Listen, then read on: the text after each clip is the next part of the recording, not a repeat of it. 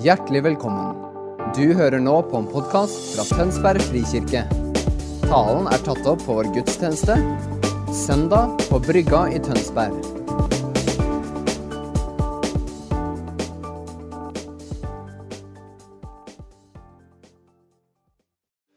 Vi skal eh, fortsette videre i temaserien om hederskultur. Dette er gang nummer tre. Og jeg eh, skal ta opp eh, en bok, et litteraturtips. Denne boka trodde jeg jeg skulle skrive selv, men så kom Erling Thu meg i forkjøpet. Det er veldig morsomt. Eh, forlaget bruker av og til eh, meg til å lese gjennom noen manuser og gi noen anbefalinger på forsida før de gir ut boka. Så hadde jeg fått denne, dette manuset, og så sitter jeg og leser og så tenker du verden, du verden, du verden. Nå er det skrevet det jeg tenkte jeg skulle skrive. Det har jeg skrevet i forordet her òg. og så sendte jeg en mail til Erling og så sa jeg, du glemte et par ting. Vil du ha det? Ja, vil du sende det over, sier Erling. Og så fikk han det, og så er det også inne her, da. Uh, men dette her eh, Erling Thu, vet du, eh, kristent fellesskap, superforankra i Guds ord. Men han har altså gått, gitt, skrevet en bok som forankrer dette med hederskultur så til de grader i Guds ord, og ikke som en ny fiks idé importert fra California. Eh, dette, dette er så i kjernen av Guds ord. At ære og heder er valutaen i himmelen. Ja, virkelig.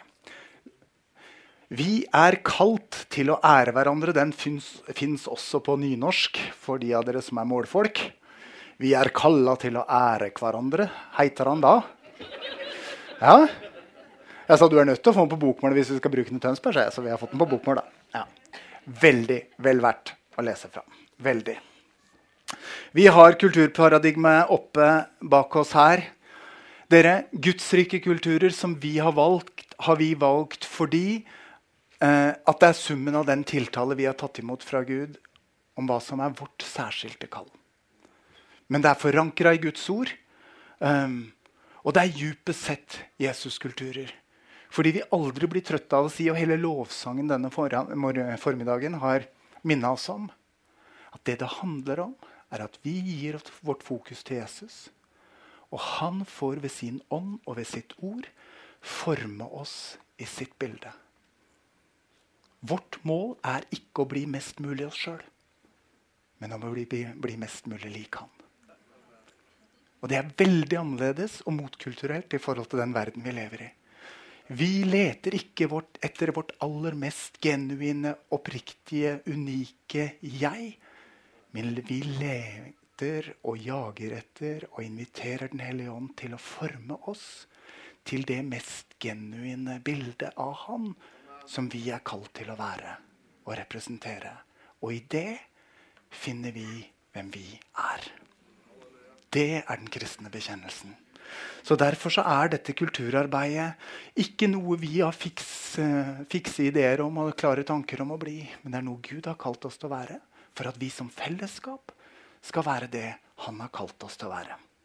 Og nå har vi hatt to søndager. Den første søndagen underviste Eileen godt om disippelfellesskap og det alminnelige og det sårbare og det menneskelige i dette som samtidig er veldig guddommelig og, og, og, vakkert. Få med dere den talen. Forrige søndag underviste jeg om frelsens og syndefallets både vertikale og horisontale konsekvenser.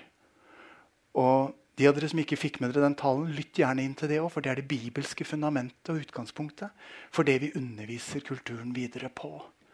Både frelsen, syndefallet og frelsen har konsekvenser i relasjonen mellom oss og Gud, men også mellom oss og de andre. Og Det er det vi skal se litt videre på i dag. Så, men i dag skal vi være ganske konkrete, så jeg skal ikke gripe muligheten til å snakke meg bort, men vi skal inn i kulturarbeid. Og kulturarbeid betyr praksiser. Hva gjør vi, og hva sier vi for å bygge den kulturen som vi opplever at Gud har kalt oss til? Og vi skal gjøre det med en overskrift som er 'Et liv i Den hellige ånd'. Utrusta til å ære og hedre hverandre. Jeg sa forrige søndag, jeg har lyst til å gjenta det i dag. Gud helbreder verden gjennom et folk som trenger helbredelse. Og det betyr at vi er et nådens fellesskap. Alt det vi snakker om i dag, er forankra i nåden, i det Kristus har gjort, og i det han gjør imellom oss. Men så er det vi gjør, et gjensvar på det han gjør og har gjort først. Er dere med? Og mens vi forsøker å ta imot og la han gjøre det han vil i oss, så, så er vi også det redskapet han bruker for en verden som trenger frelse. Er ikke det en vakker dobbelthet? Og Asgeir, bønnelederen vår, han fikk plutselig en åpenbaring da han så på den vakre glasskunsten til Helen Mørken, kunstneren og en av våre, eh, som har laga glasskunsten oppe i kapellet. Det er et bilde skapt av glasskår. Et vakkert bilde i mange farger. Gå opp i kapellet etterpå, dere som ikke har vært der, og se på det. Og Så sier han en hel flaske hadde virkelig skilt seg ut og ikke passa inn der. For det bildet er skapt av masse knuste glasskår. Og det er et godt bilde på menigheten. Stolthet og ambisjon og selvsikkerhet og ærgjerrighet, det som er helt i menneskelig forstand, passer ikke inn i familien. Her er vi sårbare mennesker, knust på hver våre vis. Forma på hver våre vis av det livet vi har levd. Men vi er det vi er i kraft av Guds nåde. Og han gjør oss til det vi skal være bare i kraft av sin nåde. Gud helbreder verden gjennom oss, et folk som selv trenger helbredelse. Så derfor Neste slide. Et liv i ånden utrusta til å være, til å ære og hedre hverandre. Dette er Guds kulturprosjekt. Like fra skapelsen av Ref forrige søndags tale. At vi skal fylle jorden og legge den under oss. At vi skal bygge fellesskap og relasjoner som skal speile noe av Gud. Vi er skapt i Guds bilde til å speile noe av hans skjønnhet. Og Gud er selv treenig Gud i relasjon, fullkommen i kjærlighet.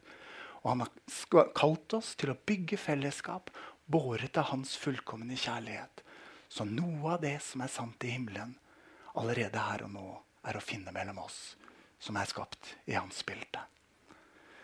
Og dette, dere, dette er en ting som Gud gjør ved sin ånd og ved sitt ord, og som ikke vi kan få til aleine. Skal dette samspillet mellom oss fungere, så er vi helt avhengig av Den hellige ånd. Og det var her det gikk feil i syndefallet. Sant? Og loven som kom med Moses, som satt, kalte folket til side til å være annerledes og hellig, det hadde heller ikke tilstrekkelig virkning. Fordi vi i oss selv, hvis vi følger det som er i oss selv, stadig vil annet enn det Gud vil. Og dette kjenner vi igjen. Det er derfor vi trenger nåden. Men det er vårt kall å være et folk som i fellesskap lar Hans nåde virke i oss til gjenopprettelse, så vi kan være med og bringe gjenopprettelse til verden. Eh, neste bilde. Og da eh, viste jeg forrige søndag det, disse stegene som jeg ønska å undervise hederskultur på. Forrige søndag gjorde jeg ferdig de første tre, så nå må dere gå inn og høre podkasten fra forrige uke. Og jeg beklager, jeg prekte en time. Jeg vet ikke. Jeg vet det, jeg skal ikke gjøre det til en vane. Men det var mye å dekke, og det er verdt å få med seg. For da tok vi skapelse, syndefall og forløsning. I dag skal vi holde fokus på fornyelse. Fordi Gud allerede holder på med fornyelse av verden.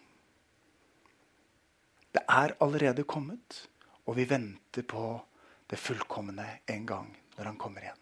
Dette er god teologi om Guds rike. Allerede ennå ikke, sier teologene. Hva betyr det? Jo, Guds rike er her. Fra det øyeblikket Jesus sto fram. Markus 1, 15. Guds rike er nær. Venn om og tro på evangeliet. Evangeliet om tilgivelse for syndene? Nei, evangeliet om Guds rike. Guds rike er nær. Men det er ikke fullkomment. Fremdeles har menneskelig svakhet og alle konsekvensene av det rom. Så det er her.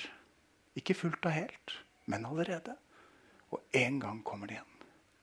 Så når vi leser Guds ord i hele Det nye testamentet, og ikke minst når vi leser åpenbaringsboka, så må vi stille oss spørsmålet Det vi leser om nå, er det for nå, eller er det for senere?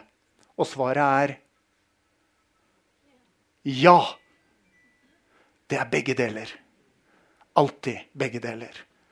Vi har det allerede nå i Jesus Kristus som et åndens folk, og det kommer fullkomment en gang.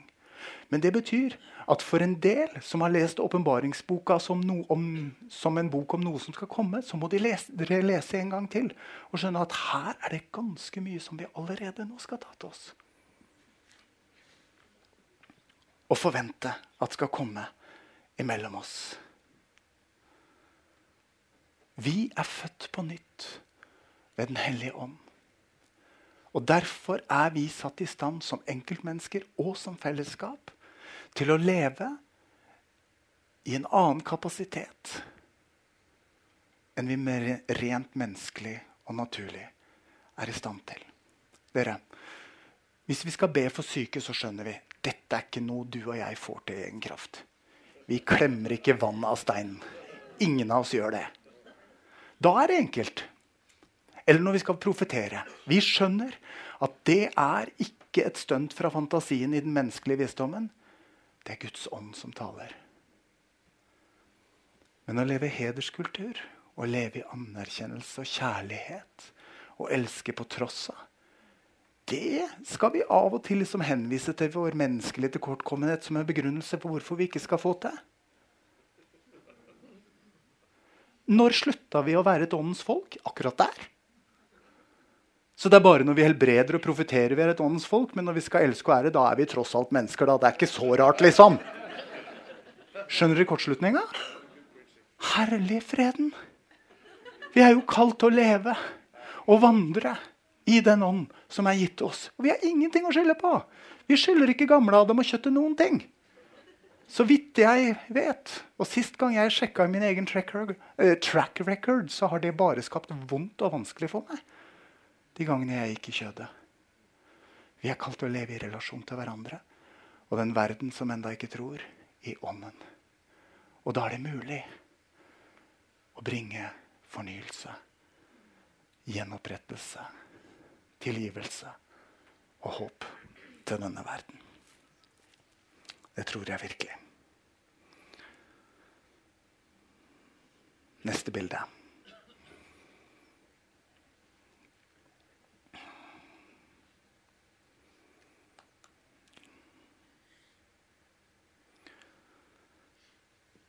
fra sist søndag, frelse i bibelsk forstand, dere, er mye mer og mye større et prosjekt enn at jeg får mine synder ut, uh, utsletta eller tilgitt, og at jeg får håp om himmelen. Frelse i bibelsk forstand er et gudsprosjekt for gjenopprettelse og nyskapelse. N.T. Wright sier at frelse er å bli en del av en ny familie. Vi er en del av Guds familie. Vi har ikke lenger primært tilhold dette underviste jeg om forrige gang, tilhold i vår biologiske familie, selv om vi fremdeles lever i den og skal ta vare på den. Og, og den, er, den, er, viktig for oss. Men er vi født på ny, så er vi poda inn i en ny familie. Dette er familie. Se dere rundt. Tenk på deres egen sårbarhet, og husk på at i de menneskene du ser rundt deg, så er det mange fortellinger du ikke kjenner. Vi er et fellesskap av mennesker som trenger helbredelse, og som er satt sammen for å bringe helbredelse til den verden som sårt trenger det. Dette er denne familien vi holder på med. Og synd har altså både vertikale og horisontale konsekvenser. Når vi velger feil, så gjør det noe med vår relasjon og intimitet til Jesus. Men sannelig har det ofte veldig mange konsekvenser den andre veien. Mellom oss mennesker. Og dere, nå skal vi ta opp Galaterbrevet. Og så skal dere få se på denne teksten. Uh, vi skal være i den, for dette er det positive vi skal inn i. Det er dette hederskultur handler om. Et liv i ånden. Men før denne teksten så beskriver Galaterbrevet hva som skjer når vi tillater oss å leve etter kjøttet. Og der står det, fra vers 16 leser jeg Jeg sier dere lev et liv i ånden. Da følger dere ikke begjæret i menneskets kjøtt og blod. For kjøttets begjær står imot ånden. Og åndens begjær står imot kjøttet. Disse ligger i strid med hverandre, så dere ikke kan gjøre det dere vil. Men blir dere drevet av ånd, er dere ikke under loven. Men blir dere eh, eh, Ja, unnskyld. Det er klart hva slags gjerninger som kommer fra kjøttet.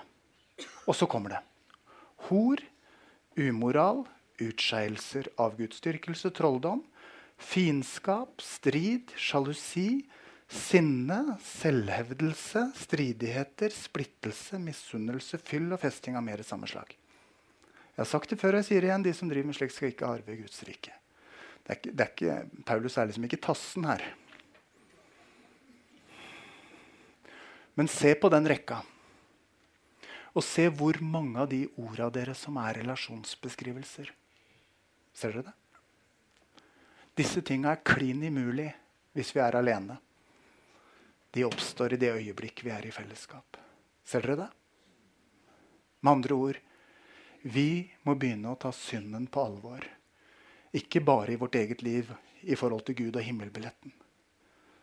Men at når vi synder, så krenker og skader og forringer vi det Guds bilde vi er ment å være selv i vårt eget jeg, og i det fellesskapet vi tilhører. Er dere med meg? Når vi skader, sårer, ødelegger pga. alt det som Galaterbrevet her lister opp, og som vi alle fra tid til annen i ulike sesonger har hatt ulik grad av kontakt med. Det er jo ingen av disse tingene vi er helt fremmed for. Er dere med? Det er derfor vi har Jesus. Og er vi trenger nåden. Og noen ganger er det bedre å være lutheraner enn andre. For da er det liksom, når alt kommer til alt, og dagen er til ende, så er det nåden alene. Og det er ikke så gærent om du er pinsevenn heller. Nei. Skjønner du hva jeg mener? Det er her vi står. Og det er dette som bærer oss. Vi er et nådens fellesskap. Men det betyr ikke at vi som er født på nytt ved Den hellige ånd, og som har fått Den hellige ånd på innsiden, skal campe her. Men vi skal legge av kjøttets gjerninger. Og det er det det betyr å dø fra seg selv og ta opp sitt kors og følge Jesus. Det er egentlig en invitasjon til frihet. Vi har hørt det helt forskrudd som en invitasjon til forsakelse. Å, jeg må gi jeg får slippe alt jeg har kjært. liksom. Hele livet mitt, og så må jeg ta opp dette tunge korset. Men det det egentlig er snakk om, det er jo at jeg skal få slippe kjøttet og dets konsekvenser med alle de skadelige effektene det har på meg og familien min og menighetsfamilien min. Og så skal jeg få gå med Jesus et liv i Den hellige ånd som bringer meg til hva da? Til dette! Og det er jo ikke så gærent! Det er kanskje det de gamle mente med det salige byttet. Ikke sant? Åndens frukt, som er kjærlighet, glede, fred, overbærenhet, vennlighet, godhet, trofasthet, ydmykhet og selvbeherskelse. Slike ting rammes ikke av loven. For vi som hører Kristus til, har korsfesta kjøttet med dets gjerninger. Lidenskaper og begjær. Lever vi ved Ånden, så la oss også vandre i Ånden. Det er vakkert, altså. La oss ikke være drevet av tom ærgjerrighet så vi misunner og utfordrer hverandre. Vandre i Ånden. Jeg kunne lagt ut mye om gresken i det, men jeg skal ikke, skal ikke bruke for mye tid på det. Men det handler om dere. Vi er kalt det som et åndens folk å leve i denne rytmen hvor vi er var på Den hellige ånd. En jeg liker å høre forkynnelsen til, har undervist om Den hellige ånd som dua på skulderen. Og vi vet at Hvis vi går rundt i hverdagen vår og har en due på skulderen og har lyst til at den skal bli der, da beveger vi oss varsomt. For hvis vi finner på noe sprell, så flyr den. Ja, men Hvis det er et bilde på hvordan vi lever som et åndens folk, så vær litt var og litt lydhør på hva som skjer når du sier det og gjør det. Eller ikke sier eller ikke gjør eller unnlater. Og legg merke til hva Ånden sier. Så vil han være der og gi deg tilskyndelse til å ære og hedre, elske, tilgi og vise raushet. Men så vil han være der med en liten pirking når du lar være, eller når du sier og sårer, når du handler og skader, og hjelper deg til å komme nær i ydmykhet og si 'tilgi meg'. Er dere med? Å vandre i ånden er å leve i alle sider av livet. Alle sider av livet. Med Guds nådes hjelp. Med Ånden som er kjærlighetsånds hjelp. Til hans ære. Og ingen sektor eller øyeblikk eller dager i kalenderen er unntatt. Og alt sammen er bare nåde. Og plutselig åpner det seg en helt annen virkelighet enn den vi menneskelig talt har tilgang på. Og det jeg inviterer dere til fra i dag av, er å ikke være liksomrause på egen eller andres vegne og bare si ja, vi er tross alt bare mennesker, da. For det er ikke sant om en kristen. det. En kristen er født på ny ved Den hellige ånd. Og det livet vi nå lever, lever vi ikke selv, men Kristus lever i oss. Det er sant om oss som kristne. Det er mer sant enn at vi bare er mennesker. Men så er det en stor realisme at vi også er mennesker. Med potensialet til alt det som ble lista opp, som jeg ikke engang satt på veggen, men bare sa. Og derfor trenger vi nåden. Er dere med? Og i dette ønsker vi som menighet å være et nådens fellesskap. Hvor vi lever på en sånn måte at vi kan forsterke det gode i hverandre. Fordi vi vet at synda ikke bare har en relasjon til Gud. Så når du og jeg synder i hemmelighet, så er ikke bare Guds relasjon som skades. Familierelasjonene og menighetsfamilierelasjonene skades også. Og nåden gjenoppretter relasjonen til Gud og til fellesskapet. Og vi ønsker å være et nådens fellesskap. Hvor gjenopprettelse er lett tilgjengelig. Hvor ny start er høyst mulig. Og vi, hvor vi hjelper hverandre fram til det gode. Og derfor hederskultur. Den hellige ånd er kjærlighetsånd. Og kjærlighetens vesen er dette. At det kan ikke tas, og det kan ikke kreves. Den kan bare gis og tas imot. Hvis du er, opplever i en kjærlighetsrelasjon at noen gir deg noe, men du merker med en gang du har tatt imot at det er en krok i deg, noe du da er forplikta til å gi tilbake, så er det ikke kjærlighet du er utsatt for men en subtil form for styring og kontroll. I verste fall manipulasjon. Sånn er det bare. Hvorfor? Fordi kjærligheten søker sitt eget. Den krever ikke. Den krenker ikke. Står i boka. Vi skal være sannheten tro i kjærlighet, dere. Dette må vi skjønne. Sånn at vi kan leve ut ifra Guds nåde, i sannhet, i kjærlighet. Kjærligheten er djupest sett et valg. Og det er det som er kallet fra himmelen til Tønsberg frikirke. Å være en menighet overøst av kjærlighet til Han og til mennesker. Ok, da er vi klare for første praksis. Og nå er vi da nå håper jeg jeg har lagt et nådens fundament for det jeg skal si, sånn at dere ikke nå hører liksom fem ting dere må begynne med å få til i egen kraft. Dette er et åndens verk i oss. Er vi enige om det? Det er bunnplanken av. Bra. Takk. Neste bilde. Første kultur.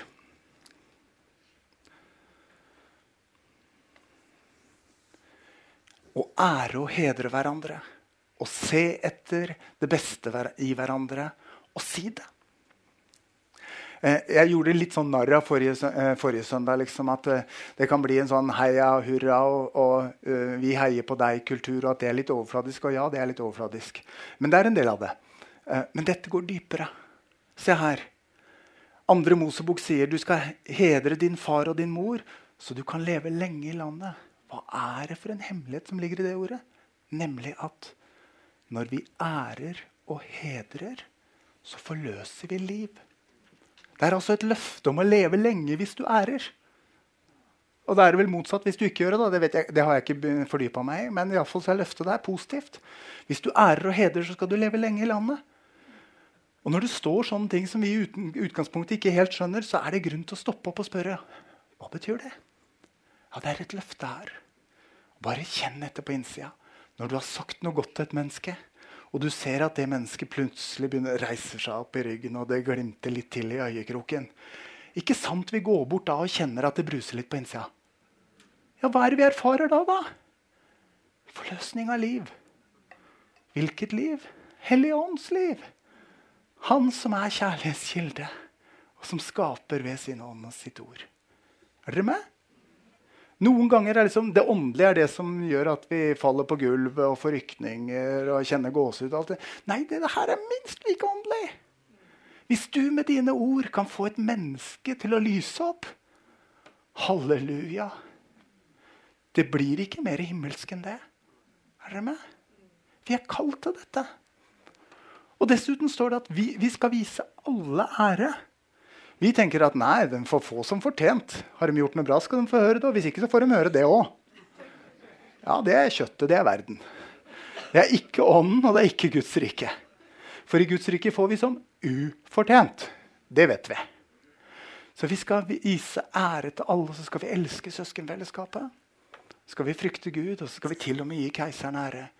Til og med når han løper etter oss og setter oss i fengsel.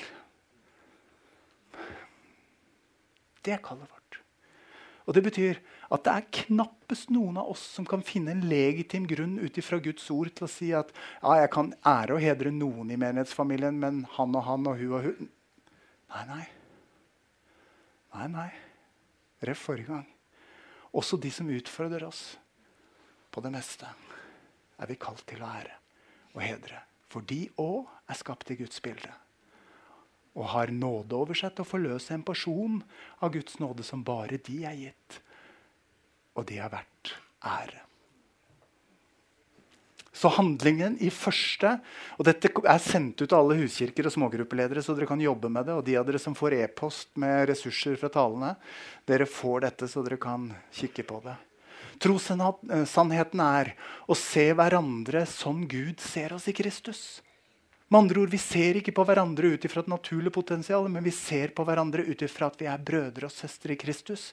Ut ifra at vi har nåden som basis og himmelen som tak. Er dere med? Og Det er noe helt annet enn å se hverandre på vanlig vis. Og Hvis det er verdien, så må vi ha en praksis på det. Fordi verdier vi bare vet om, men ikke handler på, de forblir gode ideer. Det blir filosofiøvelse. Og Kirka har vært altfor god til å drive eh, filosofiøvelse i uendelig lang tid. Vi har snakka varmt og sterkt inntil hjertet blir varmt og øyet blir vått. Om ting vi aldri har erfart, men som vi allikevel snakker høyt om. Hvorfor? Ja, fordi vi tror det, så kjenner vi ånd, og så blir vi så salige, og så tørker vi en tåre. Men vi har ikke erfart det, for vi har aldri handla på det. Men i det øyeblikket vi kobler det vi tror, på det vi skjønner at det fordrer av bevegelse Ikke som en lovisk handling, men som en vandre i ånden-handling. Så får vi en erfarbar virkelighet og et fellesskap som forløser det beste i hverandre. For når du kommer inn i menighetsfamilien din her i Tønsberg frikirke og får høre det gode, potensialet, det vi er takknemlige for ved deg, det vi ser at du bærer, og som vi heier på deg til å forløse, ja, da begynner du å vise deg fra din beste side. Fordi det er rom for deg. Fordi det er trygt. Fordi vi ikke misunner. Fordi vi ikke rivaliserer. Men fordi vi vet at hvis du blir mer av det du er, og trer mer fram med ditt potensial som Gud har gitt deg det, så blir vi bedre. Vi sterkere. Vi mere likt det Gud har kalt oss til å være. Sant? Neste bilde.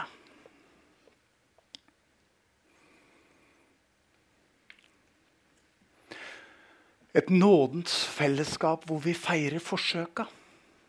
Romerbrevet 15. Men med nåden er det annerledes enn med fallet. Pga. den enes fall måtte de mange dø. Men nåden, Guds gave, er noe uendelig mye større. Den gis i overflod til de mange pga. nåden fra det ene mennesket, Jesus Kristus. Så trossannheten her er at vi lever omslutta av Guds nåde. Altså, Det fins ingen fordømmelse for oss som tror. Og det har vi kvota mange ganger. Og i neste øyeblikk så har vi sagt noe nedsettende og eh, felt en dom over en bror eller søster. Er dere med? Ja, Men det er jo å skyte seg selv i foten, det. Kommer ikke til å vinne dette løpet du hvis du fortsetter å skyte deg i foten. Da blir du halvt. Ikke gjør det. Er dere med?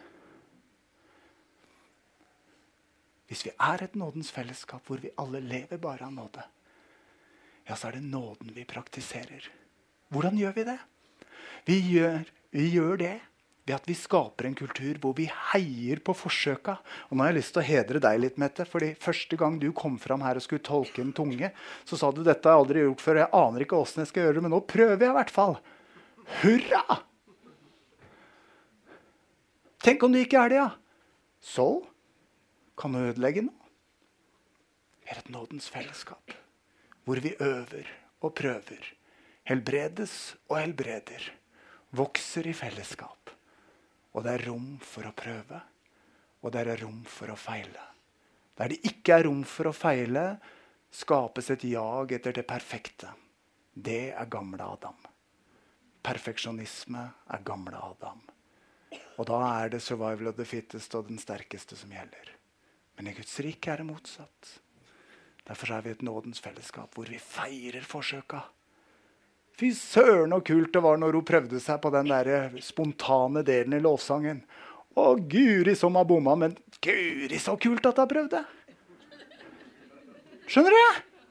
Istedenfor høye skuldre. Å, det var pinlig. Å, nei. Skjønner du? Det ene er verdensvis. Det andre er gudsvis. For både du og jeg vet at vi har en himmelsk far og en, en hærskare av engler. Som hver gang vi prøver et babyskritt i Guds rike og setter et eller annet av hans gavearsenal i bevegelse, så har vi hele hærskaren som heier på oss. Ja, men vi skal jo være av dette bildet, vi som speiler noe av det som er sant her oppe. Kan vi ikke begynne? Dødsbra prøvd! Er det noen som kjenner at ah, hvis det er sånn, da skal jeg tørre òg? Kanskje. Om ikke i morgen, så i hvert fall neste år. Når jeg bare får fylden av ånden. Da er jeg klar. Erfart virkelighet. At vi våger å handle på det Gud leder oss til. At vi tør mer enn før. Og at det er trygt, enten vi lykkes eller ikke. Jeg er overbevist om at vi vokser både i kraft og i kjærlighet og i visdom når vi går denne veien sammen. Neste. Ikke dømbar. Et fellesskap som setter fri. Johannes 8, en av de mange favoritttekstene mine. Da retta han seg opp og spurte kvinnene hvor er de? Har ingen fordømt deg? Nei, Herre, ingen. Da sa Jesus. Heller ikke jeg fordømmer deg. Gå bort og synd ikke mer fra nå av. Jeg er overbevist om dere at når vi får ta imot nåde nok i livet vårt til at vi virkelig tror at vi er frelst bare av nåde, og at ikke vi kan gjøre noe for å få Gud til å elske oss mer eller mindre enn han gjør akkurat nå, og vi begynner å møte hverandre med den samme vissheten, så vil vi skape et fellesskap i Tønsberg frikirke hvor det er trygt, og hvor det er fritt. Er dere med? Og dette er et valg vi må gjøre. Hvis noen gjør noe i min kirke som jeg ikke liker, ikke setter pris på, eller som gjør noe med meg som er utfordrende for meg, så velger jeg nåde og tilgivelse, ikke å dømme. Kultur dere, er summen av handlinger vi gjør i et fellesskap. Det holder ikke at Anna Marie og jeg blir enige om at nå skal vi være superrause med tilgivelse mens dere går og hakker på hverandre blir ikke denne virkeligheten ut av det. Det er vårt valg i fellesskap om å si vi vil være et fellesskap som lever i fordømmelsesfri sone. Fordi vi selv er tilgitt. Og fordi det er vårt kall å ligne på Jesus. Han som kikka på denne dama som hadde totalt vært i ting som var helt utafor. Men Jesu ord til henne er Jesu ord til deg og meg. Og det bør være, skal være, et åndens folks ord til hverandre. Heller ikke jeg fordømmer deg. Ja, men et eller annet sted må vi grensa gå. Sant, Peter? 70 ganger 7, f.eks. 490 ganger. Da er vi forbi tålmodigheten for lengst, ikke sant? Nei, Peter. Det fins ikke grenser. Har dere lyst til å være med på dette, eller skal vi pakke og gå, sammen, gå hjem? liksom? Dette er noe av det vakreste jeg kan tenke meg. Men det kommer til å koste oss alt. Fordi vi er nødt til å frasi oss retten til å være såra, krenka og fornærma og alt det andre som kjøttet av og til forteller oss. Ja, er det fritt fram å gjøre hva du vil? Da? Nei, jeg kommer til det om et øyeblikk. Men vi velger, hvis vi sier ja til dette, å frasi oss retten til alt det. Og da kommer vi inn i en virkelighet som lukter av himmelen, og som ser ut som Jesus for den verden som ikke tror. Er dere klare? Det er veldig fint. Hvis dere er det. Neste. Si bare det som velsigner. Her er vi over på noe annet, dere. Uh, dere, det er rart hvordan vi har aksept for noen ting og ikke aksept for andre ting. Synder på dette feltet har vi akseptert og freda i Kirken. Vi kan snakke nedsettende om hverandre uten at det får noen konsekvenser. Men hvis en eller annen stakkar blir tatt med buksene nede eller har gjort noe gærent med pengene, da er sanksjonsrekka klar. Er dere med? Dette er ikke riktig.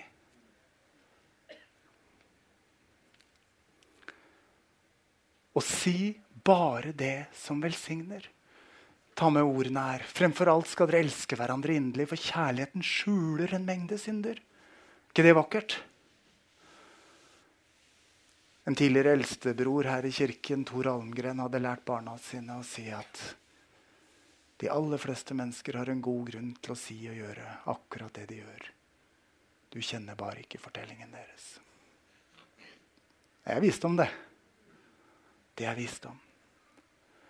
Men det å faktisk bestemme seg for å leve i kjærlighet og tjene hverandre ut ifra den nåde vi har fått å forvalte, og at vi skal være bevisst på at det er en voldsom kraft i tunga. Så Derfor sier vi altså bare det som bygger opp, så det kan bli til velsignelse. Og praksisen på det dere, er at vi, vi, vi sipper igjen. Er dere med? Og jeg sa når jeg kom hit til Tønsberg eh, i 2014 og begynte å jobbe med dette Jan Helge var på staben da, og mye av dette Dette kjenner du igjen, Jan Helge. Dette har vi jobba ut sammen. Eh, så sa vi vi gleder oss til vi har kommet dit at det er like pinlig å snakke nedsettende om noen andre som å slippe en fis i offentlighet. Og vi tror at vi er på vei til å lykkes. For vi merker at kulturen i huset vårt nå er sånn at hvis noen liksom nærmer seg, så bare Nei. zip. Og noen av dere som er nye her denne høsten, har sagt at det gjør inntrykk på dere hvordan dere gjennomført hører at vi omtaler Kristoffer og Anette og Pax og kirken som gikk fra oss, uten noen antydninger til negativt eller vondt prat. Takk, Jesus. Da har vi fått nåde da, til å leve det vi har bedt om at vi vil. Er dere med? Men dette er på ordentlig. Én ting er å si at ja, vi vet det står der, men vi liker det ikke. som vestlendingene på avholdsbevegelsen, men, men, men, dette her også Dette her også, dere. Vi vet det står der, men vi liker det ikke. For det rammer oss alle sammen. Men det er en vanvittig frihet i å slippe å si det som ikke bygger opp. Fordi det vi sier, det er, det er som å kaste bumerang. Vi kaster det ut, og det kan hende det treffer noen, men veldig ofte kommer det tilbake og rammer oss sjøl. Det er sånn orda virker. Dette er åndelige lover. Har ikke tid til å gå inn i det, men det er sant. Men vår målsetting er at vi vil ha en menighetsfamilie og et fellesskap hvor det er pinlig å snakke nedsettende om hverandre eller om andre. Og hvor vi velger å si det som bygger opp, så det kan bli til velsignelse. Og det kan både være guddommelig og profetisk i sin natur, og det kan simpelthen være søskenkjærligheten drevet av Den hellige ånd, som er i aksjon. Og det er vakkert uansett hva det er. Ok, Siste. Da har vi tatt fem, og jeg syns vi gjør det ganske bra.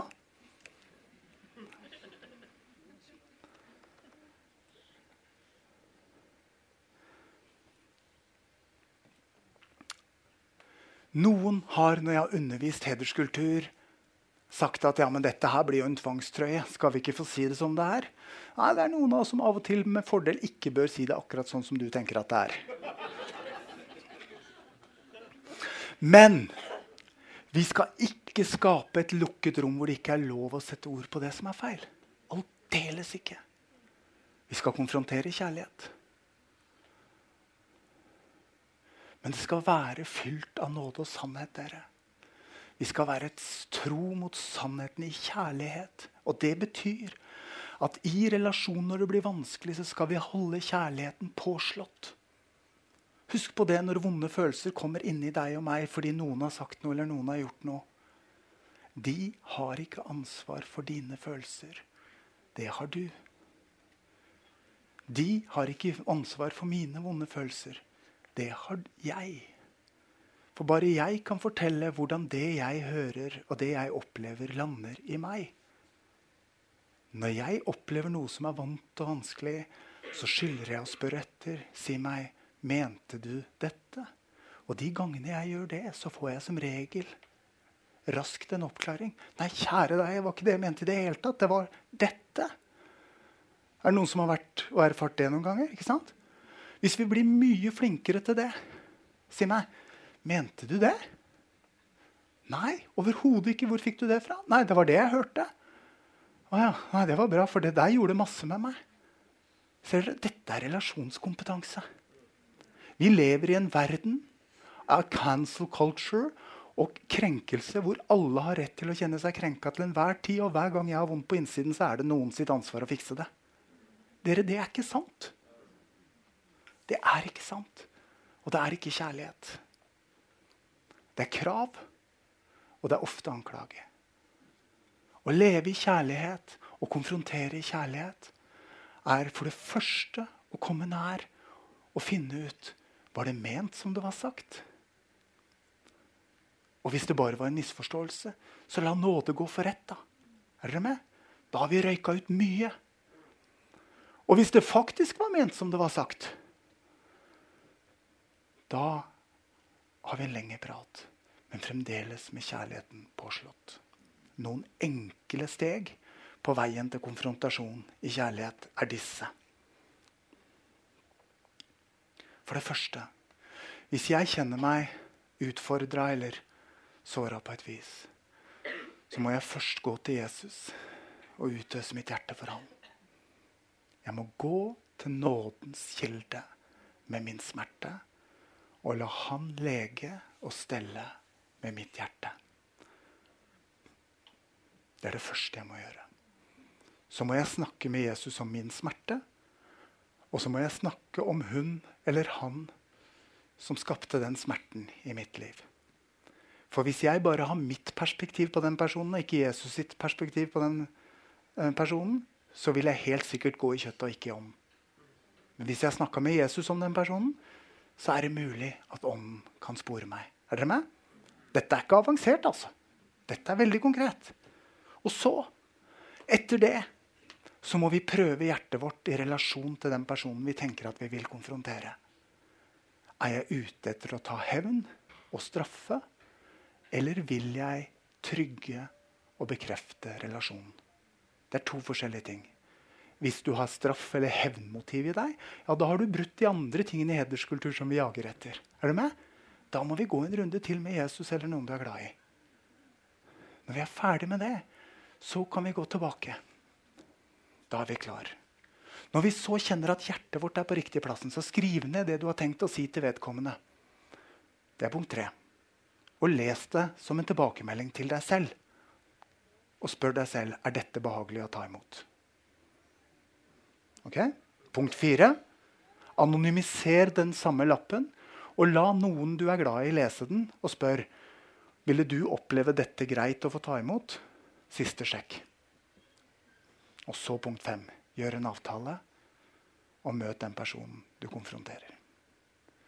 Og malen her er ref forrige punkt. De vi ikke har en relasjon med så vi kan snakke til, snakker vi ikke om. Det var si bare det som bygger opp. Ikke sant? Her, de vi vil snakke med, prøver vi oss i de fem stega. Og innen vi har jobba gjennom de fem stega, så har både hjertet og temperamentet og affekten dempa seg.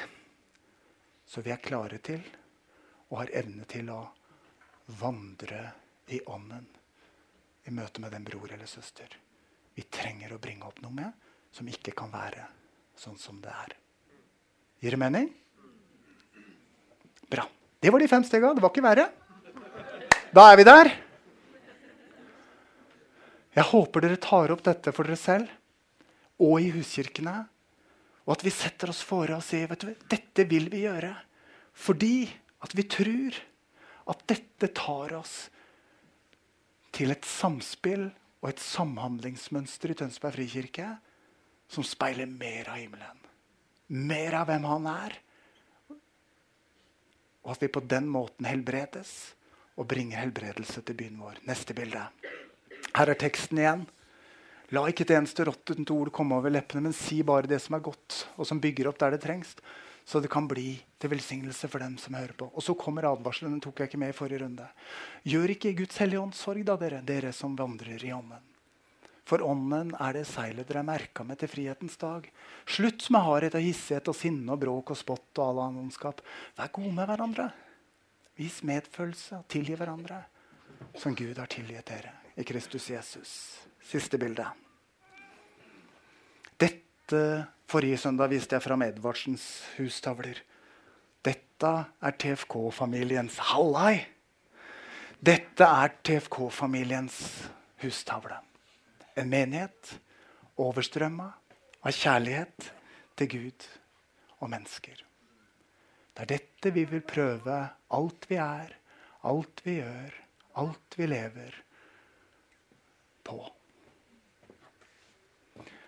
I en overbevisning om at vår forpliktelse ikke bare er til Gud, men også til hverandre. Lovsangstimen kan komme opp. Og jeg setter opp dere en litt utfordrende siste til ettertankeplakat. Og jeg ønsker at vi skal starte med å be litt i fellesskap. Og så kommer det til å stå forbedere foran scenen, og de står her med salveflasker. Og vi ønsker å tilby salving og bønn om Den hellige ånds fylde for dere. Det jeg har fått til nå, er ikke kjøtt Nei, det jeg har talt om nå, er ikke kjøttet i stand til å få til. Bare Ånden kan virke dette livet i den enkelte av oss og i fellesskapet vårt. Så det vi skal gjøre nå, det er at jeg, jeg vil at du skal kjenne dette litt for deg sjøl. Og så skal jeg be en bønn i fellesskap. Og så går vi rett inn i, i tilbedelsen, og inn vi lar det være en, en, en strøm frem til forbønn. Dere forbedere kan allerede stille dere opp nå um, og være klare. Så lar vi dette være en overgivelseshandling. Og kameraene blir slått av, så vi sender ikke ut hvem som kommer fram her nå. overhodet. Men vi ønsker dere at dette skal være en tid av overgivelse. For jeg har sagt mange ganger tegn og under og mirakler. Herlig. Elsker det. Men det som gjorde aller mest inntrykk på meg når jeg kom til Bethel Church, var å se en menighet som var så forankra i kjærlighet til Gud og hverandre at jeg som en forvilla statskirkemann fra Norge i løpet av ti dager i den atmosfæren hadde gått fra knopp til blomst. Dere, denne verden er full av knopper som ikke tror det er trygt og spredt ut. Landet vårt er fullt av kirker med kristne som tror på Jesus, som føler at det ikke er trygt å komme ut i blomst. Fordi vi ikke har gått i ånden, men latt kjøttet få lov til å herje med en misforstått unnskyldning om at vi er her bare mennesker. Men vi er jo ikke det. Vi er et åndens folk. Født på ny. For å ære Han og tjene hverandre. Så hvis dere har lyst nå, hvis det kjennes godt for dere, så lukk øynene. Og fest ditt indre blikk, troens blikk, på pappa Gud. Eller på Jesus. Og la det med dine egne ord være den overgivelseshandlingen du trenger. Men aller først en invitasjon hvor du lar Den hellige ånd få lov til å fylle deg, stelle med deg, lindre og lege, helbrede og tilgi. For vi må ta imot først hvis vi skal få gi dette livet. Nå ber jeg, og dere kan være med. Og når jeg sier amen her, så fortsetter vi tilbedelse, og dere er fri til å komme fram og bli salva og bedt for videre. Jesus.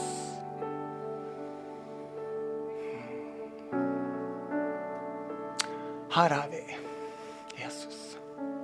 Med alt det vi er og har. Med vår takknemlighet for at vi er det vi er bare pga. din nåde. Og Jesus, nå ber vi, kom med din hånd. Salv oss med din kjærlighet.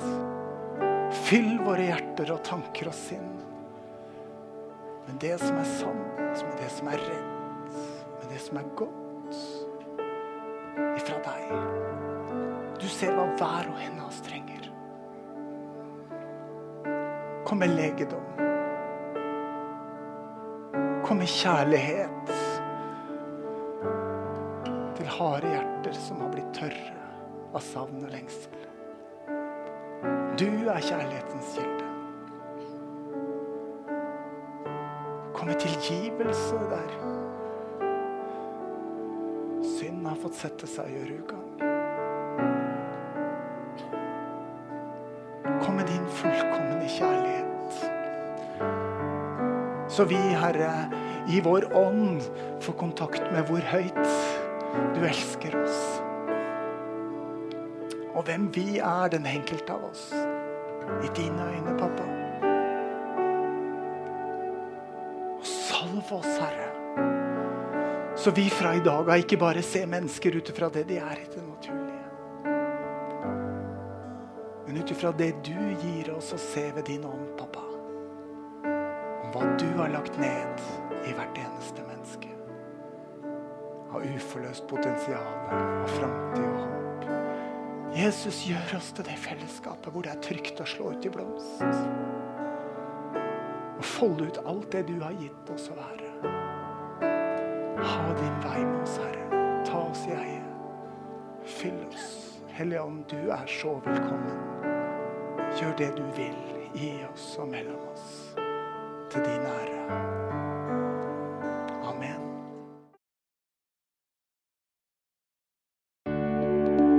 Takk for at du hørte på vår podkast. Har du spørsmål eller ønsker du å vite mer?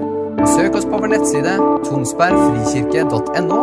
Du er også velkommen til kirke på Brygga i Tønsberg.